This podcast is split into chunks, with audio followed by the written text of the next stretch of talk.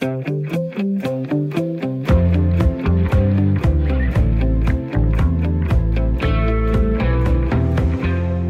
de her dage starter de første børn langsomt op på det næste skoleår.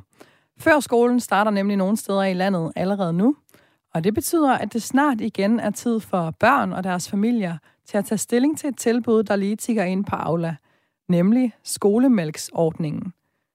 Du kan måske genkalde dig et billede på nethinden af den lille mælkekarton på en kvart liter med skruelåg, som i forskellig form har været en del af det danske skolesystem i mere end 100 år. Og i øjeblikket, der får omkring 100.000 børn hver dag mælk fra ordningen til deres frokost. Men det er håbløst gammeldags, og det skal der laves om på, lyder det i et nyt debatindlæg i politikken. Bag indlægget der står Greenpeace, Dansk Vegetarisk Forening og Dyrenes Beskyttelse. De kritiserer blandt andet, at øh, skolemælksordningen er med til at grundlægge vaner hos vores børn, om at mælk fra en ko er det naturlige og rigtige valg af drikkevarer til et måltid. De skriver blandt andet sådan her. Helt centralt i de nyeste kostråd står der, at danskerne skal skære ned på forbruget af animalske fødevarer, som kød og mælk. For mælk så er anbefalingen 36 procent mindre, og vi anbefales i stedet at slukke tørsten i vand. I forbindelse med lanceringen af de opdaterede kostråd, ja, der lagde fødevareminister Rasmus Prehn vægt på, at det i høj grad handler om en kulturændring, når regeringen råder danskerne til at ændre deres madvaner. Men hvordan harmonerer det med, at landets skoler fortsat agerer offentlig mælkecentral for hele landets børn, og netop er med til at grundlægge en kultur, hvor mælk har en helt central rolle i fællesskabet omkring måltider. Skriver altså blandt andet Greenpeace, Dansk Vegetarisk Forening og Dyrenes Beskyttelse i et længere debatindlæg. Og når de blandt andet blander det politiske ind i det, ja, så er det faktisk ikke uden grund, for der er nemlig offentlig støtte til skolemælken. 66 eller 74 øre per mælk, alt efter type.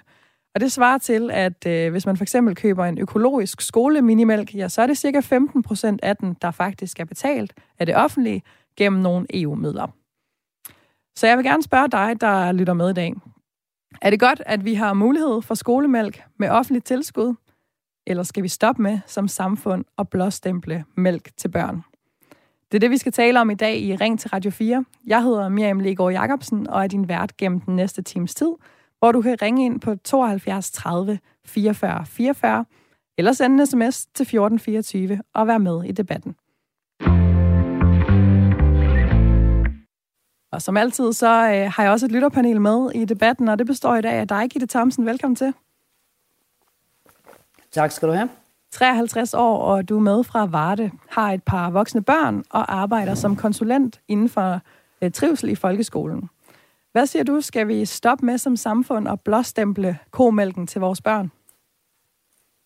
Ja, det mener jeg faktisk, vi skal. Jeg er egentlig meget enig i debatindlægget. Øhm, der er sådan flere øh, ting i det. Øh, der burde så være et alternativ til den, øh, øh, hvad skal man sige, komælk, man, øh, man vil sælge i, øh, i folkeskolen. Det kunne også være plantebaseret mælk, man blev øh, tilbudt som barn eller som forældre.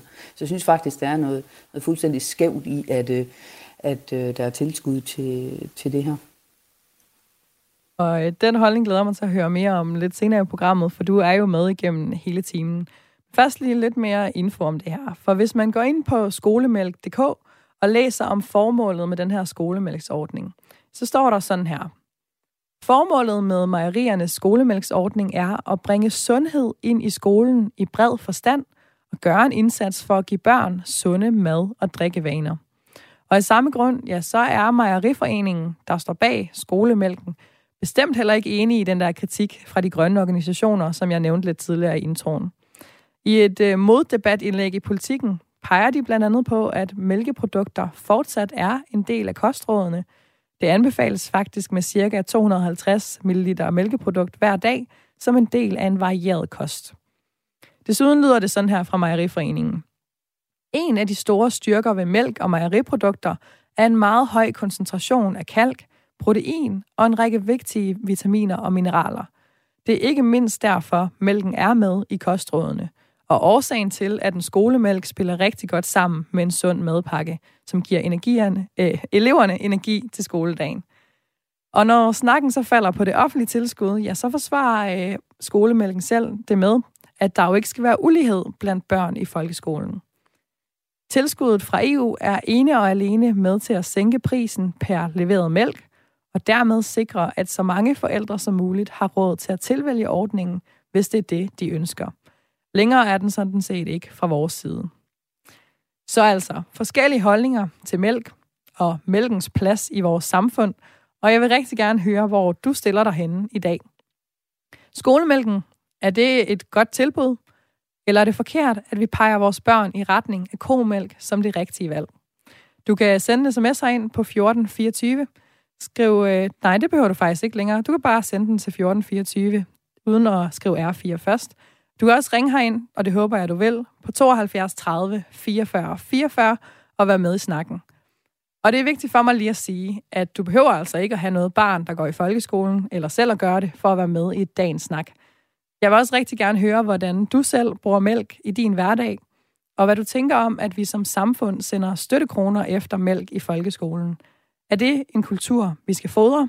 Telefonnummeret det er 72 30 44 44.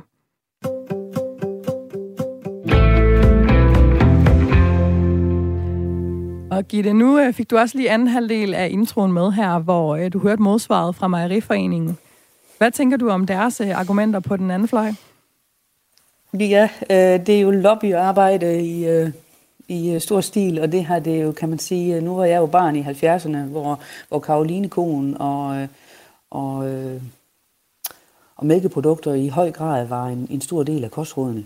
Og vi er jo egentlig bare vokset op med, at mælk er sundt per definition. Og øh, det, jeg bliver lige øh, ramt af, at, øh, at øh, Mejeriforeningen går ud med et argument om, at øh, det er på grund af ulighed i folkeskolen osv. Og, så videre, og, og at vi skal øh, have, have, have calcium og så videre i vores daglige kost, og det skal vi selvfølgelig, men det er jo ikke fordi, vi ikke kan få de øh, mineraler og tilskud på anden vis, øh, blandt andet øh, fra, fra grøntsager og, og, og andre ting. Men, øh, men det jeg egentlig vil sige med det, det er, at hvis det er, at, øh, at det er et spørgsmål om mulighed i folkeskolen, så øh, kunne jeg meget bedre forestille mig, at man så tilbød gratis frokost til alle børn. Øh, uanset om øh, der er tilskud til skolemælk eller ej, så vil der være, fortsat være ulighed i folkeskolen. Der vil stadigvæk være nogen øh, af forskellige årsager, der fravælger at købe skolemælk. Så, så, så, så det argument, det, det køber ikke. Og, og så igen præmissen om, at mælk per definition er sundt, det, øh, det, jeg kan godt mærke, at jeg egentlig sidder og føler mig lidt hjernevasket op igennem min barndom, mm. fordi at vi fik jo skolemælk, og vi fik at vide, at, at mælk var sundt. Og da jeg var spæd der, var det umoderne og nærmest usundt at, at amme sine børn, fordi at det var bedre at give dem øh, mælkeblandinger, der var kogt. At det virker helt absurd i dagens Danmark. Ja, der er sket meget med de her Så, så det er fantastisk godt lobbyarbejde, man har gjort øh, øh for Mejeriforeningen og Dansk Landbrug igennem øh, de sidste 50 år. Ja, der er jo sket meget med den her opfattelse af, hvad er egentlig sundt, øh, og vi skal faktisk inden så længe tale med dagens første kilde, som taler netop om det her med, hvad ved vi egentlig om mælk og, og sundheden der ved. Men Gitte, du får jo også nævnt det her med, at øh, du selv engang har fået skolemælk. Det har dine børn også. Altså, ja. hvordan husker du den ja. der karton, man fik i spisefri kvarteret? Altså, øh, det var da hyggeligt. Øh, det var det da. Det var der noget over det der med at være mælkeduks og gå ned og hente den blå kasse og hos pedellen og komme tilbage med mælken. Vi kunne også få yoghurt, husker jeg. Vi kunne også få kakaomælk. Det var ikke fordi, at det ligefrem var, var sunde produkter. Øhm, øh, men, men det var jo heller ikke alle i klassen, der fik øh, skolemælk dengang. Og, og det var også kun i de små klasser. Det blev jo totalt umoderne, jo ældre vi blev, at, at det der med mælk, det var, jeg vil nok sige, når man var færdig med indskolingen, så var mælken også øh, udfaset. Hvordan er det så... Men, men det var en del af, af kulturen, det var det helt sikkert, ja. Og det er det jo fortsat i dag, kan man sige, med, med 100.000 børn, der, der får det. Men øh, hvordan har dine ja. egne mælkevaner så udviklet sig til ind i voksenlivet? Altså, hvordan øh, bruger du mælk i dag? Øh, jeg putter det i kaffen. Hvis jeg en sjældent gang drikker kaffe med mælk, og ellers så har jeg noget mælk til at stå i køleskabet til de gæster, der måtte ønske at få mælk i kaffen. Ellers så bruger jeg stort set ikke mælk i madlavning. Eller drikker mælk for den sags skyld. Og hvorfor ikke det? Altså, hvad har gjort, at du har valgt det lidt fra? Mm. Tja, der er hormoner i mælk. Øh, animalske fedtstoffer skal man ikke have så meget af. Jeg har en øh, kronisk sygdom, der gør, at jeg øh, øh, skal tænke meget over, hvad jeg spiser, antiinflammatorisk kost osv. Så, øh, så, så ja, det er helt bevidst fravalg. Altså jeg har ikke brug for at, at, at, at drikke mælk. Jeg vil meget hellere øh, slukke tørsten i vand. Vi er jo øh, midt i en debat lige nu, der handler om øh, skolemælken, og øh, den stemme, du hørte lige her, den tilhørte Gitte, der sidder med i lytterpanelet fra Varde, men øh, telefonlinjerne er jo også åbne for dig, der sidder og lytter med. Øh, fordi spørgsmålet, jeg stiller i dag, det er, om det er godt, at der er mulighed for at få et øh, glas mælk til sin frokost i folkeskolen, eller om tiden er ved at være løbet lidt fra det, om det er gammeldags, og vi skal stoppe med at pege vores børn i retning af komælk. Telefonnummeret det er 72 30 44 44, og sms-nummeret det hedder 1424, og øh, den er der allerede godt gang i. Det er dejligt, I vil være med. Bente, hun skriver, naturligvis skal børn have skolemælk i skolen. Mange får slet ikke de vitaminer derhjemme, og en gratis sådan sandwich vil nu også være fint. Christian han skriver, Hej Miriam, jeg fik selv skolemælk, da jeg gik i skole helt tilbage i 60'erne, så måske er det blevet noget gammeldags. Også den her. Det er uhørt og forkert at give tilskud til mælk i folkeskolen. Det er jo rent tilskud til landbruget. Giv hellere frugt og sund madpakke i stedet. Og så skriver Anne Vibeke, væk med mælken. Ungerne smider det jo alligevel ud indimellem. Og ind med adgang til frisk, koldt vand i stedet. Ganske gratis.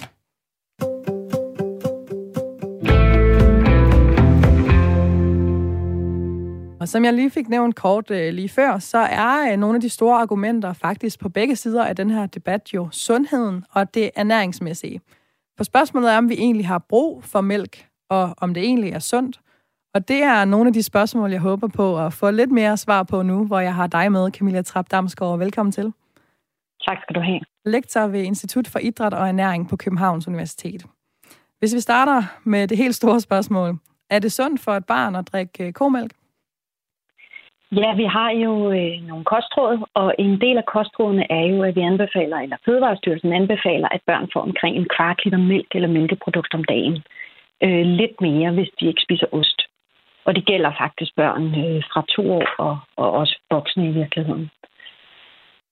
Og det er jo fordi, der er de her... Det er jo en del af de nye øh, klimavenlige kostråd, hvor øh, vi skal spise mere plantebaseret øh, og skrue ned på kødet især og, et, og når man gør det, så er der jo nogle næringsstoffer i mælk, som vi ikke kan få fra, fra plante, øh, plantefødevarene, kan man sige. Hvad er, det, det for nogle, vi... hvad er det for nogle fordele, der er ved at, at drikke mælk? Jamen altså, den, den helt oplagte, som de fleste mennesker godt ved, når vi snakker om børn, det er jo, at der er calciummælk, og det er, det er vores væsentligste kilde calcium, det som man i daglig tale kalder kalk. Øhm, og det, det er svært at få gennem andre fødevarer, så, så derfor øh, er det en god idé, at børn får den her kvart liter om dagen. Øhm, og øh, så er der derudover øh, B12-vitamin, som øh, udelukkende findes i animalske fødevarer, altså fødevarer, der kommer fra dyr. Øhm, og så er der også øh, nogle øh, mineraler som fosfor og jode, noget B2-vitamin, og der er også en lille smule D-vitamin. Og øh, det er jo en ret lang liste af ting, som, som er gode ved det her, men der er jo også mange forskellige måder, folk lever på øh, i dagens Danmark, og i mange familier, så er mælken jo ikke så fundamental en del længere. Altså kan man ikke få de samme næringsstoffer og vitaminer på andre måder end, øh, end lige gennem mælkeprodukter? Jo, altså det kan man, altså calcium er lidt svært, ikke? Men, men de andre ting kan man jo godt få gennem kød og andre ting. Og hvis man spiser varieret. Men ideen er jo, at vi skal gå hen imod at spise øh, flere fødevarer fra, øh, fra planter, altså flere bælfrugter og flere, grøn, flere grøntsager, mere frugt, og skrue ned for kødet, øh, for også at blive mere klimavenlig, som jo også er en del af, af den her stigende agenda, øh, og giver god mening. Og i, i den sammenhæng, der er det faktisk lidt vigtigt at opretholde det her, øh, det her indtag. Når man, når man ikke spiser ret meget kød, jamen, så skal man have de animalske vitaminer, kan vi sige, eller de vitaminer, der kommer fra animalske fødevarer i den sted fra. Vi taler jo om øh, skolemælken i dag, øh, altså den, der går til øh, børn, som er i skolealderen, går i folkeskolen. Øhm, er det så bare ubetinget godt, at de får mælk til deres frokost, mens de er i voksalderen, når nu du lister den her lange øh, liste af fordele? Altså man kan sige, der, der er jo ikke noget i, i kostråden om, hvornår man skal have øh, mælkeprodukter. Og, og hvis man øh, får det til morgenmad som yoghurt, eller, så er der jo ingen grund til at få skolemælk. Øhm, så det er jo, og man, man skal huske på, at skolemælken er jo ikke en, øh, en offentlig ordning på den måde. Det er, jo, det er jo en privat ordning, som forældrene vælger til og fra, så det er jo op til den enkelte familie øh, at vurdere, om det giver mening, at deres barn får skolemælk, får den kvart liter der, eller om de følger det almindelige kostråd om at drikke vand til måltiderne. Og øh, Camilla Trapp Damsgaard, hvis nu du lige bliver hængende på linjen, så åbner jeg lige linjen over til Gitte, som sidder i øh, lytterpanelet i dag. Fordi Gitte, da vi talte sammen i går, så øh, Øh, det er jo sådan, at der er faktisk mange ting, som man kan forbinde med mælk øh, og tænke kan være konsekvenserne af at drikke mælk. Og en af de ting, du nævnte i går, det var det her med knogleskørhed. Kan du ikke lige prøve at fortælle, hvad det var, du var lidt bekymret for her? Jo, og, og, og man kan sige, det, det er jo ikke fordi, at jeg er ekspert på, på området overhovedet, og jeg er glad for at høre uh, Camilla Damsgaards indlæg her med, at, at det er vigtigt, at, at vi får de uh, mineraler og vitaminer, som, som, som er i mælkeprodukter. Øhm, men at det ikke nødvendigvis behøver at være for mælken, men også at det kan være for andre øh, mælkeprodukter, som ost for eksempel. Men, men øh, jeg synes jo, det er tankevækkende, man har hørt igennem de seneste år, at at Danmark, eller måske Norden, er et af de steder i verden, hvor, hvor der er den største forekomst af knogleskørhed. Og, og, og det, det klinger jo hult, når vi er vokset op med, at vi skal drikke mælk og, og få kalk, fordi det er sundt for vores knogler, når, når vi så samtidig måske er, er, er nogle af de øh, mennesker i verden, der, der har flest knoglebrud. Det, det hænger jo ikke rigtig sammen. Altså, det kan godt være, at, at det er et, øh, et, et, Jamen, et øh, underligt argument, men, faktisk, men jeg kunne da godt tænke mig, at, at det var noget, man, man ligesom Jamen, det er netop fordi, jeg tænkte, at det, det kunne vi jo så lige kigge på sammen med Camilla Trapp Damsgaard her, for det er faktisk en, en myte, jeg har stødt på flere forskellige steder, øhm, også i min research til det her program, og Camilla Trapp Damsgaard, måske du kan hjælpe os her. Altså, er der en sammenhæng mellem de her ting? Altså, jeg, er jo ikke, jeg arbejder jo med børns ernæring, og ikke så meget med voksnes. Øh, men man kan sige, øh, og jeg forstår jo godt den her bekymring og den her kobling, man laver. Øhm, og man kan sige, at det, man har gjort i de nye kostråd, er, at man har skruet ned for anbefaling. Før hed det op til en halv liter, nu har man skruet ned for, nu er det en kvart liter. Øh, også igen en afvejning af, hvad, hvad er sundhedsmæssigt, øh, hvad giver sundhedsmæssigt mening i forhold til klimaet.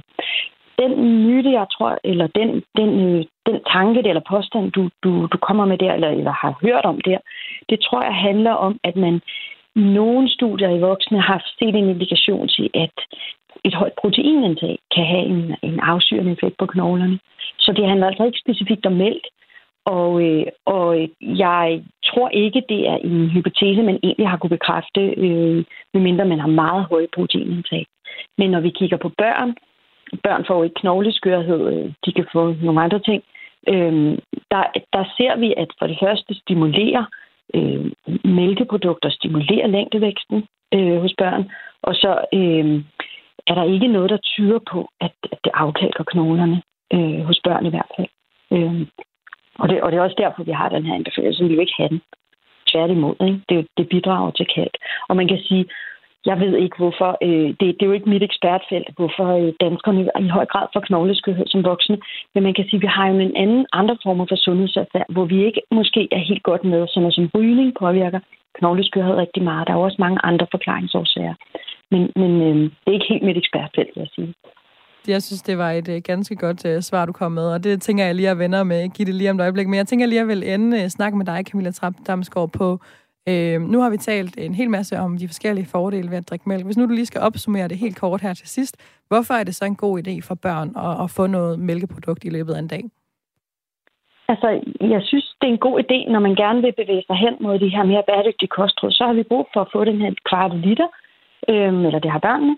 Øhm, og, men jeg synes også, det er en god idé at følge kostrådet om at drikke vand til måltiderne.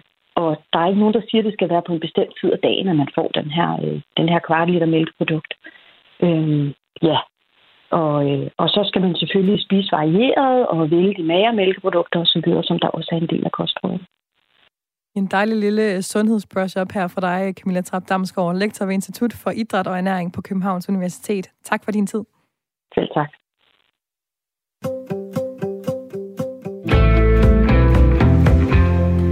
Jeg må heller lige tage et uh, smut forbi Varde igen til dig, Gitte. Hvad sagde du til forklaringen her på, på din øh, bekymring om knogleskørheden? Jeg er så glad for det, hun siger, Camilla Trapp Damsgaard øh, i forhold til, at, at øh, det er vigtigt, at børn får øh, de her mælkeprodukter.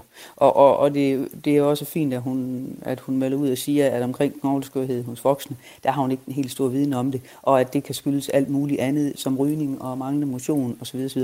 Men, men øh, lad os lige holde fast i det med, med mælken til børnene, eller mælkeprodukterne til børnene. Det synes jeg er super godt, og det skal vi selvfølgelig holde fast i, fordi det er et af de officielle kostråd. Der, hvor det går galt, det er, at det bliver bragt ind i øh, folkeskolen som noget, vi skal være med til at bidrage til. Altså, det er jo noget konkurrenceforvridende, at, øh, at der gives tilskud til, til, til komælk i folkeskolen. Og, øh... Så det er egentlig mere det, der er min bekymring, end, end at, at det skulle være sundt, skråsag usundt at drikke mælk. Så øh, i virkeligheden, så øh, selvom øh, Camilla Trapp Damsgaard her kommer med nogle gode argumenter for at drikke mælk, så er det ikke, fordi det rykker på din holdning til, at det hører, ikke hører til i folkeskolen. Nej, det, det, så skal det være på lige vilkår med alt muligt andet, man kan købe i en frugtbod. Det skal ikke være med ekstra tilskud. Sådan lyder ordene altså fra Gitte, og øh, du kan også være med i snakken. Det kan være, at det her interview med øh, den her lektor i ernæring og sundhed har sat nogle tanker i gang hos dig. Men du er, tænker så, at øh, det er godt, at vi har mælk med tilskud i folkeskolen, eller tænker du, at det er vist ikke der, det hører til? Det må være noget, man styrer derhjemme, hvis man endelig vil have det. Telefonnummeret, det er 72 30 44 44, og det har du ringet ind på, Nils. Velkommen til programmet. Ja, jeg synes lige, jeg vil bidrage med noget fra den virkelige verden. Og øh, jeg drikker jo skummemælk på mine havgryn hver eneste dag, og har gjort det lige siden jeg var en lille dreng. Så der fik jeg godt nok øh, sødmælk. Øh, der, der havde man ikke skummemælk sådan noget. Men, øh, men, øh, men, men jeg, jeg synes, det smager ikke godt med vand på. Og, øh, og det, det, det, det er sådan set af hensyn til, til smagen. Øh, hvor meget jeg har brug for det nu i en voksen alder, det ved jeg ikke. Men, øh, men jeg synes bare, at øh, man må sige, at der er andre ting, vi fylder i hovedet i dag, øh, som man kan købe i forretningerne, som er, er langt, giver langt, langt større problemer med vores krop, end, øh, end mælken gør. Så jeg, jeg, jeg synes, det er lidt synd at fokusere så meget på den. Hvis nu vi så lige zoomer over, Niels, fordi øh, et er, hvad du øh, gør derhjemme i din øh, dagligstue, når du skal have havregryn. Noget andet er ja. det, vi snakker om i dag, som egentlig er det, der foregår i folkeskolen.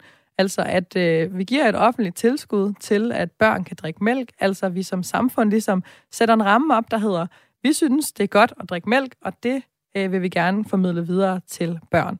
Øh, er det en øh, agenda, som samfundet skal køre, eller øh, må det være noget, man selv styrer derhjemme med sin havregryn? Jeg går ud fra, at øh, beslutningen er truffet ud fra sundhedsmæssige øh, synsvinkler, og øh, jeg synes, det er super fint, at øh, man gør børn så sunde, som man overhovedet kan. Og hvis det viser sig, at det er en dårlig idé, så skal det selvfølgelig fjernes. Men det har jeg ikke forstand på. Jeg, jeg mener bare, at, øh, at øh, det at give børn øh, mælk i skolen øh, er ud fra et sundhedsmæssigt synspunkt, synes jeg er en rigtig, rigtig god idé, og det synes jeg bare, man skal blive ved med. Jeg kan fortælle dig, at øh, det er jo nogle øh, støttekroner, der kommer fra EU, det her, og at øh, Europakommissionen skrev i 2018 sådan her om grunden dertil. Øhm, støtte til mælk og mejeriprodukter til skolebørn, sammen med pædagogiske foranstaltninger. Der er meningen, det skal genetablere forbindelsen mellem børn og landbrug og lære børnene om sunde kostvaner. Så det er sådan mm-hmm. helt overordnet begrundelsen for, for, at der er støtte. Men øh, jeg, jeg, jeg mener stadigvæk, at, at øh, hvad skal man sige, bottom line må skulle være, at, øh, at det er sundt, fordi det giver øh, børnene, nu er de jo en voksealder, så de skal jo bruge kant til knogler og tænder. Det fik man i hvert fald at vide, da man var, var yngre. Det var derfor, man, man fik de der produkter. Så, så jeg må indrømme, jeg, der hvor jeg står, der synes jeg, det er en rigtig god idé at beholde den ordning med at give børnene øh, gratis mælk for den sags skyld i skolen til deres mad. Det synes jeg er fint. Og det står øh, meget klart her fra Humlebæk. Tak for dit input, Niels. Velkommen. Hej du. Hej. På sms'en, der øh, melder jeg også ind, René han skriver, jeg giver Gitte, altså i lytterpanelet, ret i, at landbruget har nogle gode lobbyister, og at de sundhedsargumenter i kostrådene nok også er lavet lidt i samarbejde med landbruget. Vi har brug for det kalk og energi, men vi kan sagtens finde det af andre kostveje. Så giv dem nu et glas vand og nogle frugter fra haven, så får de god energi. Problemet er bare, at der er ikke så mange, der har økonomisk interesse i at anbefale det. Så er der også Paul fra Aarhus, der skriver, da jeg har en søn, der absolut ikke kan tåle mælk, så finder man ud af, at det er der faktisk i mange underlige ting. For eksempel som i tandpasta, hvor han er nødt til at få special tandpasta. Jeg mener ikke, at mælk i skolen skal forbydes, øh, men jeg mener, at mælk skal udfases fra alle de ting, hvor de ikke hører hjemme, skriver Paul altså fra Aarhus. Så lidt blandede inputs øh, i dagens debat, og om lidt, der skal vi tale videre om mælk og vores syn på det i samfundet. Og øh, der er altså masser af plads til dig, der sidder og lytter med på udsendelsen. Jeg håber, at du har lyst til at melde ind. Vi zoomer særligt ind på skolemælken. Er det rigtigt, at vi øh, pusher de her vaner om komælk til vores børn i skolen? Eller er det forkert at skubbe dem i retning af det her som samfund? Du må også gerne ringe ind og fortælle mig om dit eget forhold til mælk. Du behøver ikke have børn i folkeskolen for at være med. Men telefonnummeret, det er altså 72 30 44 44, sms'en 1424.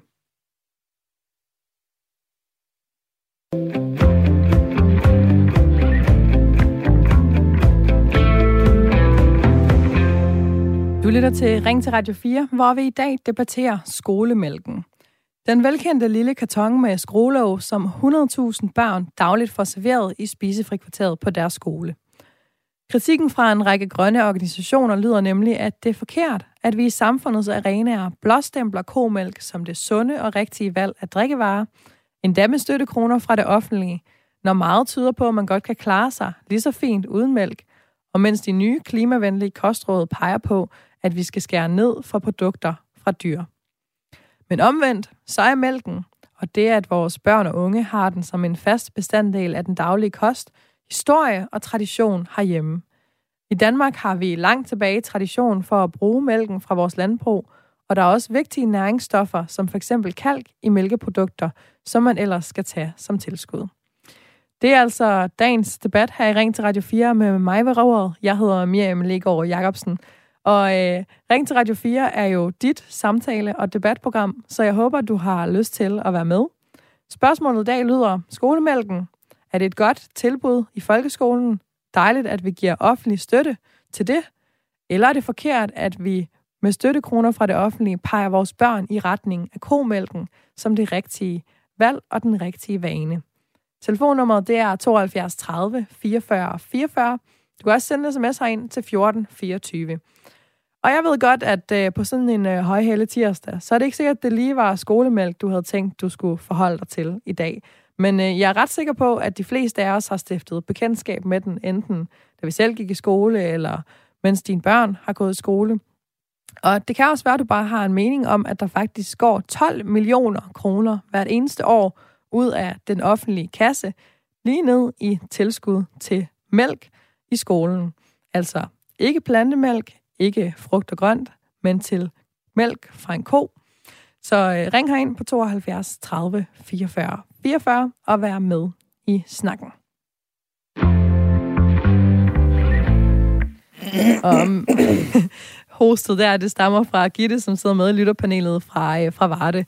Og Gitte, lidt tidligere i programmet, så øh, kom du jo ind på det her med, at du er faktisk ikke øh, stor fortaler for, at vi giver tilskud til skolemælk, men du er egentlig fortaler for, at vi giver tilskud til sundhed i skolen. Og så fik du nævnt noget med en øh, gratis frokost, et varmt måltid mad i stedet. Hvor er det, du er blevet inspireret til det hen? Øh, for en del år siden, for mange år siden efterhånden, øh, da mine børn gik i folkeskolen, sad jeg en del år i en skolebestyrelse. Og på det tidspunkt øh, lod vi os meget inspirere af, hvordan man gjorde i Sverige. Så skolebestyrelsen var på udflugt til Malmø, mener jeg det var, hvor vi var rundt og besøgte nogle forskellige skoler for at se, hvordan de drev skole der. Og øh, der var der i kommunen øh, tilbud til samtlige skoleelever og lærere øh, om et gratis, en gratis frokost. Og øh, det gav noget fællesskab, fordi det var også et af argumenterne fra før med hensyn til det med skolemælken, at øh, i Sverige, der, der spiser de simpelthen deres mad sammen, og det gør de sammen med læreren øh, i en kantine, og, og man får den samme mad. Jeg tænker, der var flere valgmuligheder, øh, hvis man ikke kunne tåle det ene eller det andet, men øh, det gav noget helt basalt godt, og så var man jo sikker på, at børnene fik noget mad. Og en ekstra gevinst lige øh, fra det, det var, at det var faktisk billigere at drive skole i Malmø, end det var øh, i Ringkøben, som jeg boede i på det tidspunkt. Så, så, så, så der er så meget andet omkring øh, folkesundhed og sunde kostvaner. Og jeg mener, det er alt for ensidigt at sige, at det handler om at give børnene øh, noget skolemad. Mm. Og jeg tænker, der kan jo være mange grunde til, at det så var billigere for dem i Malmø end i Ringkøbing. Der er mange andre ting end lige kantineordningen, der spiller ind. Men hvorfor er det, du det er tænker, rigtigt. at... Øh, Men der var råd til maden, ja. Ja, Øh, og det her var jo så et øh, kommunalt øh, offentligt tilbud, altså hvor man ikke betalte noget som forældre for, at ens børn fik mad. Hvorfor Netop. er det, du tænker, at det kunne være en god måde at bruge nogle af vores kommunekroner, for eksempel? Fordi det handler om forebyggelse og folkesundhed. Og øh, vi ved jo, at, øh, at hvis børnene møder op og er, ikke er udvilet og ikke har fået mad og og øh, så er de heller ikke særlig undervisningsparate. Så, så jeg tænker faktisk, at det er et rigtig, rigtig godt argument for at, at lægge nogle penge ind til, øh, til gratis mad i folkeskolen. Og øh, nu kommer vi lige ud på et lille sidespor her med, med frokost som det sunde input i folkeskolen i stedet for. Men hvis nu vi lige zoomer tilbage på øh, skolemælken, som jo er den, vi taler om i dag, så øh, vil jeg gerne lige vende det med dig. Velkommen til programmet, Johnny. Ja, hej. Med fra Haderslev, 53 år. Synes du, ja. at øh, det er godt, vi giver offentlige kroner til, at der er mælk i skolen, eller er det noget værre noget, at vi øh, skaber en kultur, hvor komælk er det rigtige? Øh, jamen, øh, vi har jo alle dage haft øh, komælk i skolerne. Altså, før i tiden, der var det jo sådan, at øh, man, man havde penge med hjemmefra. Du kan ikke huske, om det var en gang i øh, ugen eller en gang om måneden, man havde penge med til skolemælk, men øh, det har jo altid været der. Og, og jeg er jo opvokset i landbruget, og, og har sågar også fået den mælk, som kommer direkte fra tanken. Og jeg, jeg må skulle sige, at jeg har de stærkeste knogler, man kan tænke sig. Så jeg synes bare, det skulle blive. Men øh, noget af det, kritikken går på, det er jo det her med, at øh, jamen, vi har faktisk lige lavet nogle nye kostråd, der siger, at vi skal skrue lidt ned for, for mælkeprodukterne for klimaets skyld, og der er jo også mange, der for eksempel slet ikke drikker eller bruger animalske produkter og drikker plantemælk derhjemme i stedet for. De har ikke nogen muligheder i skolen. Skaber det ikke noget skævhed i forhold til øh, at være i Danmark i 2022, det her? Jo, det gør det måske nok, men så må man jo... Øh Ja, så må man jo øh, have mælk til dem, der drikker mælk, og, og alt det andet til... Det giver, måske... ja, det giver måske nogle udfordringer, tænker jeg, men... Øh, øh, altså, dem, der drikker havremælk og sådan noget, så må, de, må man jo øh, øh, få det ind i planen også jo. Så i virkeligheden en model, hvor man måske putter nogle flere ting ind i den her skolemælksordning, kunne du godt se for dig. Altså, tænker du så, at øh, der kommer en udløbsdato på et tidspunkt, for øh, nu siger du selv, dengang du var dreng, og, og det bliver hurtigt sådan en snak om noget, vi har haft i mange, mange år. Tænker du, det får en udløbsdato en dag, det her med mælk i skolen, eller kunne du godt se det bare fortsætte til evig tid? Øhm, jamen, jeg kunne faktisk godt se det fortsætte. Ja. Det, det kunne jeg sagtens. Altså, i stedet for, at man, man øh, tager alt muligt andet med. Altså, altså vi, vi fik jo også øh, enten æblejuice eller appelsinjuice. Eller ja, vand for den sags, øh, den sags skyld også, men... Øh, og der har været mange forskellige ting med i øh, de her ordninger over tiden. Og øh, Johnny, jeg tror, at øh, jeg vil sige tusind tak for dit indspark i dagens debat. Jamen, det er bare i orden. Du må have en dejlig dag. I lige måde. Fordi øh, jeg kan i hvert fald også huske, dengang jeg gik i folkeskole, der kunne man øh, få kakaomælk også i den her mælkeordning, hvis man ville. Men øh, som det så ud i dag, så er det altså valget mellem sødmælk, letmælk, minimælk, skummet mælk og kernemælk kan man også få. Og så kan man også vælge at få den økologisk eller ej. Og der er også øh, muligheder for dem, der ikke kan tåle laktose, for at få laktosefri minimælksdrik. Øhm, prisen varierer lidt, men ligger et sted mellem øh, 3 kroner og 80 øre, eller 6 kroner og 75 øre per mælk. Så altså omkring øh, 70 kroner om måneden, hvis man for eksempel skulle have skummet mælk hver dag til sit barn. Og det er jo sådan, at øh, det var også noget af det, som Johnny fra Haderslev her var inde på, det er, at øh, mælken er jo noget, der har fyldt meget i øh, vores samfund her i Danmark over rigtig lang tid. Og spørgsmålet er, hvordan vi egentlig er endt der, øh, som et af de få lande i verden, hvor mælken faktisk har en øh, meget stor rolle. Så nu vil jeg gerne byde velkommen til dig, Bettina Pohl. Jo, tusind tak. Og tak til dig for at være med, for du er jo en museumsinspektør på det Grønne Museum og madhistoriker. Så hvis ja. nu vi lige skal prøve at øh, koge mælkens lange historie her i Danmark lidt ned, vil du så ikke prøve at tage os ganske kort øh, igennem den? jo, og den er jo lang den er jo rigtig lang. Så der er jo ikke noget at sige til, at vi danskere, vi nyder et, øh, et godt glas mælk i, i ny og næ. Men det er jo faktisk sådan, at øh, vi er jo landbrugslandet Danmark, og det vil sige, at vi allerede i oldtiden havde øh, øh faktisk øh, tog den voldsomme beslutning, at fra at være jæger og samlere, så blev vi, om jeg så må sige, øh, landfaste og jordfaste og begyndte at, at brænde øh, skove af og, og opdyrke jorden. Øhm, og til det, der havde vi altså brug for trækkraft. Og der kan jeg altså se, at ud fra arkeologisk materiale i hvert fald, at vi øh, i den senere oldtid, der begynder vi altså også at finde ud af, at man kan bruge øh, mælken fra de dyr, der, der trak loven. Øh, og øh, der er simpelthen kar, øh, blandt andet til, til ostefremstilling og sådan nogle ting. Øh, og det her, det fortsætter jo så op igennem øh, landbrugslandet øh, Danmarks øh, historie. Øh, det er sådan, at når man sådan ser på, på maden i hvert fald, så, så, så sagde man, at man i gamle dage, i efterår og vinter, der var det sulets tid. Altså det var der, hvor man spiste kød, og forår og sommer, det var mælkeretternes tid. Så forår- og sommerperioden, der hvor køerne kælvede, og man havde mælk til rådighed, ja, der levede man altså af forskellige mælkeretter. Man konserverede også mælken i form af både smør og ost. Og så lige for at gøre den lange historie lidt kort, så øh, i med industrialiseringen i slutningen af 1800-tallet, jamen der valgte vi altså fra at være kornproducerende til at, at arbejde med husdyr, altså blandt andet grise. Øh, vi startede det store bacon-eventyr, leverede rigtig flotte flæskesider til englænderne. Øh, og øh, det gjorde jo igen, at øh, de her grise, de skulle jo altså have noget at spise, så igen, ja, vi blev nødt til at dyrke jorden, og til det skulle der også bruges trækkraft. Så det er sådan den, øh, den, øh, den korte historie, hvorfor egentlig mælk fylder så meget øh, i, vores, øh, i vores mad. Og spørgsmålet er jo så, altså i mange andre lande, der drikker man jo slet ikke øh, komælk på den skala, vi gør, og det er selvfølgelig noget med historien, men er det kun det? Altså, hvorfor har mælken fået så stor en plads i vores madkultur? Jamen, øh, det var jo noget af det, vi satte på med andelsbevægelsen. Altså, stort set næsten i hver større by, og vi har jo faktisk også bygget øh, jernbanenet og så videre op omkring det. Jamen, der var der et andels lineslagteri og et andels mejeri. Øh, og det er jo også øh, der, hvor vi kan se, at, at de store kampagner kommer ind.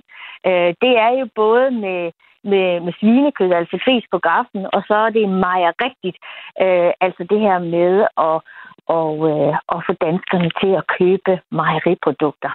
Så vi, vi havde jo den her fortælling om, øh, også, og det kan jeg se allerede i 1900-tallet, altså fortælling om, hvor vigtigt det var for kroppen, øh, både i forhold til at få øh, kalk og, og proteiner, at vi spiste rigeligt kød, og at vi jo altså også øh, drak mælken. Og det fortsætter altså op, også øh, da vi får de officielle kostråd. Ja, faktisk så begynder man allerede i øh, staten øh, at, at definere jeg har en pjæse fra 1963, der hedder øh, De seks grundpiller i kosten, hvor altså en af grundpillerne, det er mælken, og en anden er kødet. Ikke? Og det er jo igen det her med at sørge for, at såvel voksne som børn, de får øh, rigtig meget kalk til deres tænder og knogler, ikke? Fordi øh, på den måde, så kan man sige, med tænderne, så kan vi spise, og med knoglerne, der kan vi virke, ikke? Øh, og det var uanset, om man så var arbejder, eller om man var øh, øh, landbruger. Så er mælk i virkeligheden noget, vi er blevet nudget sådan lidt til, fordi det også er noget, vi har meget af her i Danmark? Ja, man kan jo godt sige, at det er der, hvor vi er selvforsynende, og hvor vi faktisk også har en, en massiv øh, eksport øh, der giver øh, faktisk øh, temmelig mange penge til, til landet. Ikke? Øh, så jo, altså det er jo en måde at, at forbruge øh, øh, og sørge for, at vi er selvforsynende. Og det kan man jo sige, det sætter jo ekstra mange refleksioner i gang i tiden her, hvor det er, at vi snakker om, at fødevarepriserne stiger. Øh, og at det måske er en god idé, at vi i hvert fald øh, inden for rimelig kort afstand, også med hensyn til klima, bliver øh, rimelig meget selvforsynende øh, med, med fødevarer. Ikke? Og øh, her til sidst, Bettina Buhl, så øh, nu er du jo madhistoriker, og ikke mm. fremtidsforsker, men du ved trods alt noget om, hvilken udvikling mælkens øh, plads i vores samfund har været på. Så hvis nu vi ja. prøver lige at kigge lidt fremad, Tror du så, at mælken kommer til at fortsat være lige så en fundamental en del af, af vores kost i fremtiden?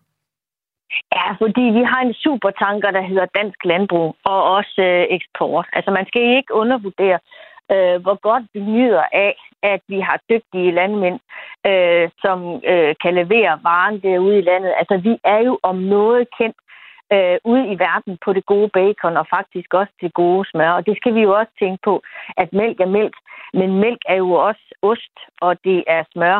Og det er i hvert fald noget af det. Nu har jeg også lige været på Food Expo i Herning, altså fødevarebranchens store øh, fest, som de har hver andet år. Og noget af det, som, som, som virkelig er hvor vi er verdensmestre næsten, ikke? Jamen, det er jo ude i de gode mejeriprodukter. Men der skal altså mælk til, før vi kan øh, lave de gode oste og, og det gode smør. Og det er jo i hvert fald noget, hvor vi er verdensmester i at spise. Altså, vi er jo det folkefærd i verden, der spiser allermest ost.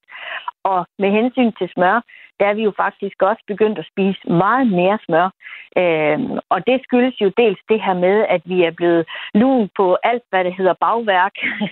Enten om vi spiser det. Nu har vi jo lige haft fastelavn, og det viser jo aldrig, at danskerne spiser så mange fastelavnsboller mm-hmm. som, som i år. Ikke?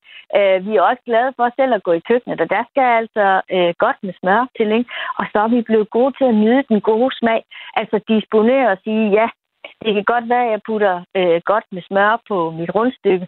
Øh, det koster så en cykeltur eller en løbetur i morgen. Ikke? Altså, der er vi kommet hen, hvor vi kan disponere over vores eget øh, krop helt... og, og passe på taljemålet. Ikke? Ja, så helt overordnet set, så tænker du, det bliver ved med at være der, også ude i fremtiden.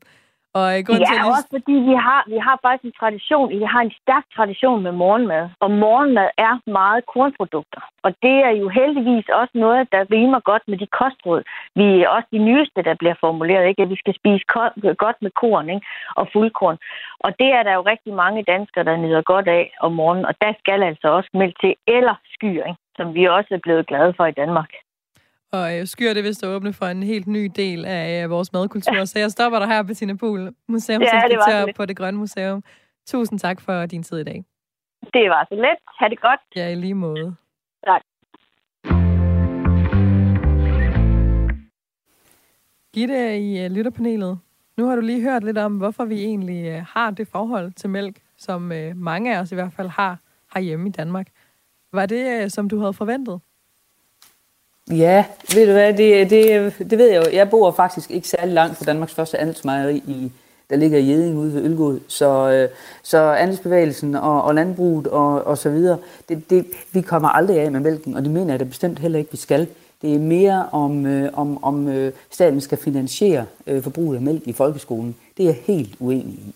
Men, men selvfølgelig har mælk øh, og mælkeprodukter et... Øh, altså, det, det er jo grundlæggende for, for vores eksport, og, og, og, og så altså, det er jo ikke fordi, jeg sidder her og skal afskaffe øh, al mælkeproduktion overhovedet. Tværtimod.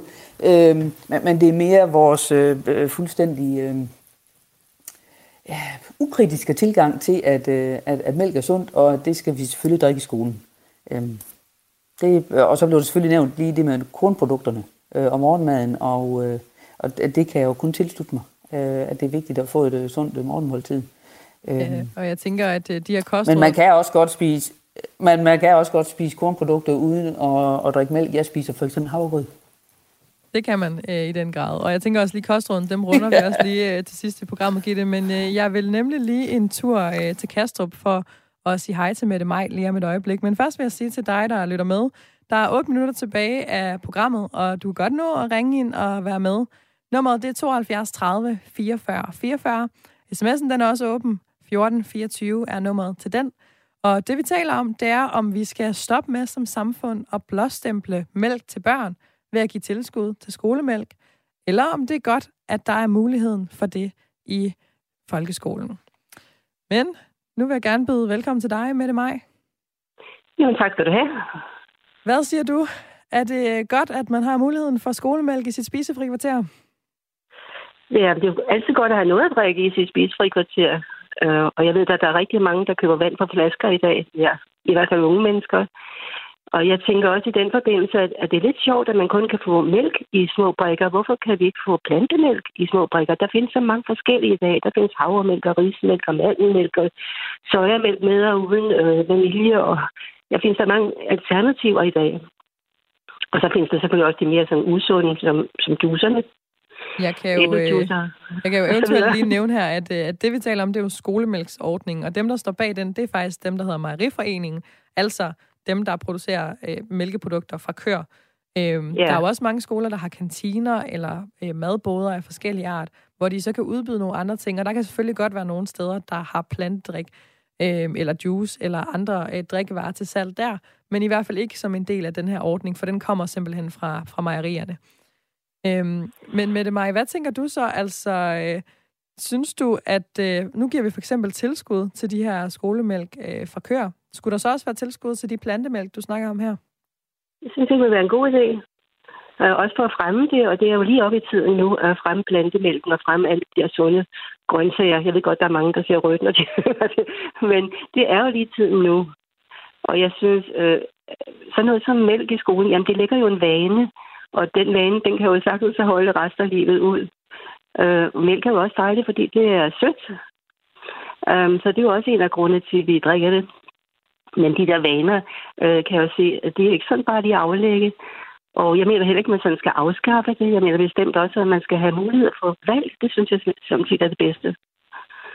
Øhm, og hvis man vil støtte, som jeg kan se, man er begyndt at gøre, den plantebaserede kost i stedet for, så vil det jo være godt, synes jeg, for alle.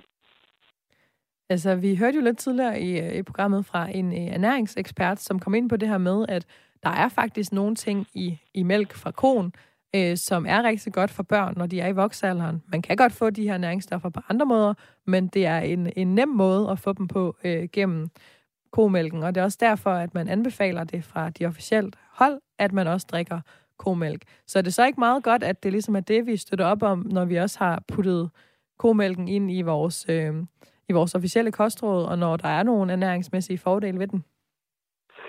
Jo, jeg synes jo, det er lidt en myte, det der med, at man kun kan få calcium fra mælk. Øh, man får faktisk ikke ret meget calcium fra mælk.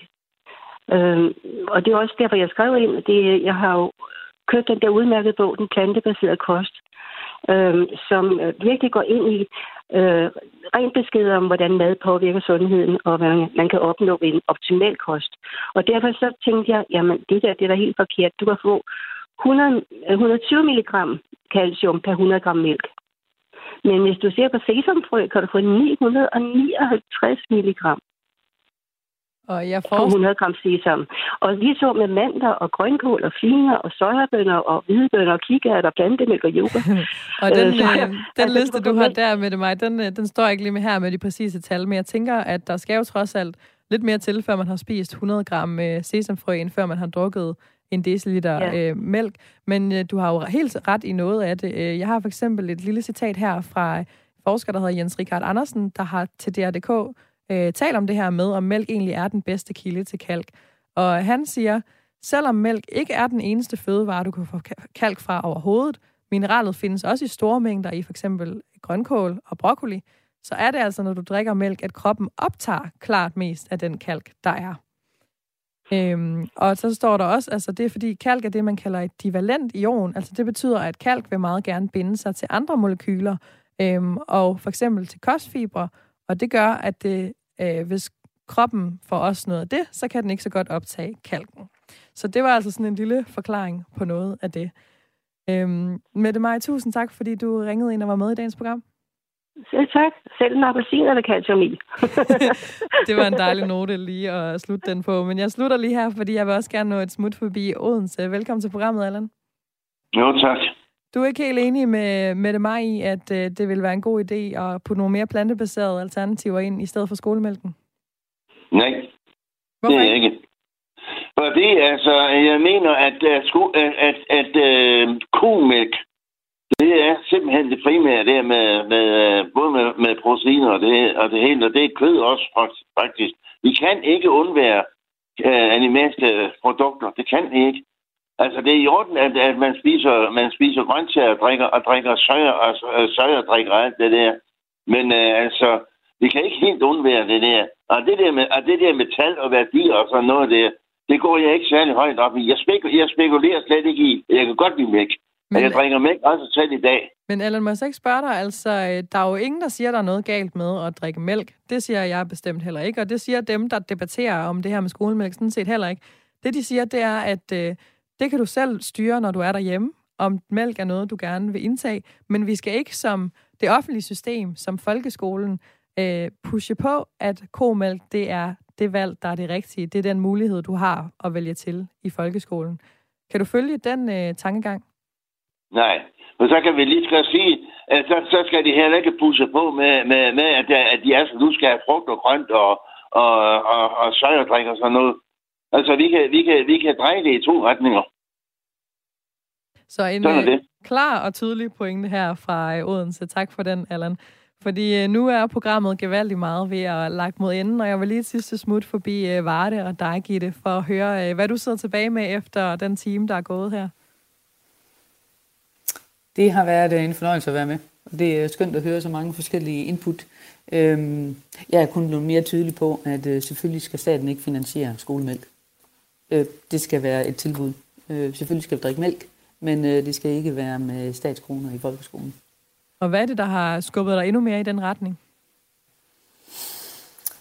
Det er nok lidt mere de der refleksioner, jeg har gjort undervejs i forhold til den, det der enorme lobbyarbejde, som Mariforeningen har gjort. Det bliver jeg grundlæggende øh, politisk helt og aldeles uenig i. Øh, det skal være et frit valg, hvis man øh, vil øh, drikke mælk. Øh, men man skal også have mulighed for at, at, at, at drikke plantemælk, hvis det er det, man har lyst til. Og uh, tusind tak, fordi du var med i lytterpanelet i dag, Gitte. Velbekomme. Og også tak til alle jer, der har lyttet med, skrevet og ringet ind. Jeg tænker, vi lige kan runde af med at tage de syv kostråd, de her klimavenlige kostråd, som hedder spis planterigt, varieret og ikke for meget. Spis flere grøntsager og frugt. Spis mindre kød. Spis mad med fuldkorn. Vælg planteolie og mager mejeriprodukter. Sluk tørsten i vand og spis mindre af det søde, salte og fede. Det var dagens ring til Radio 4. Vi er tilbage igen i morgen.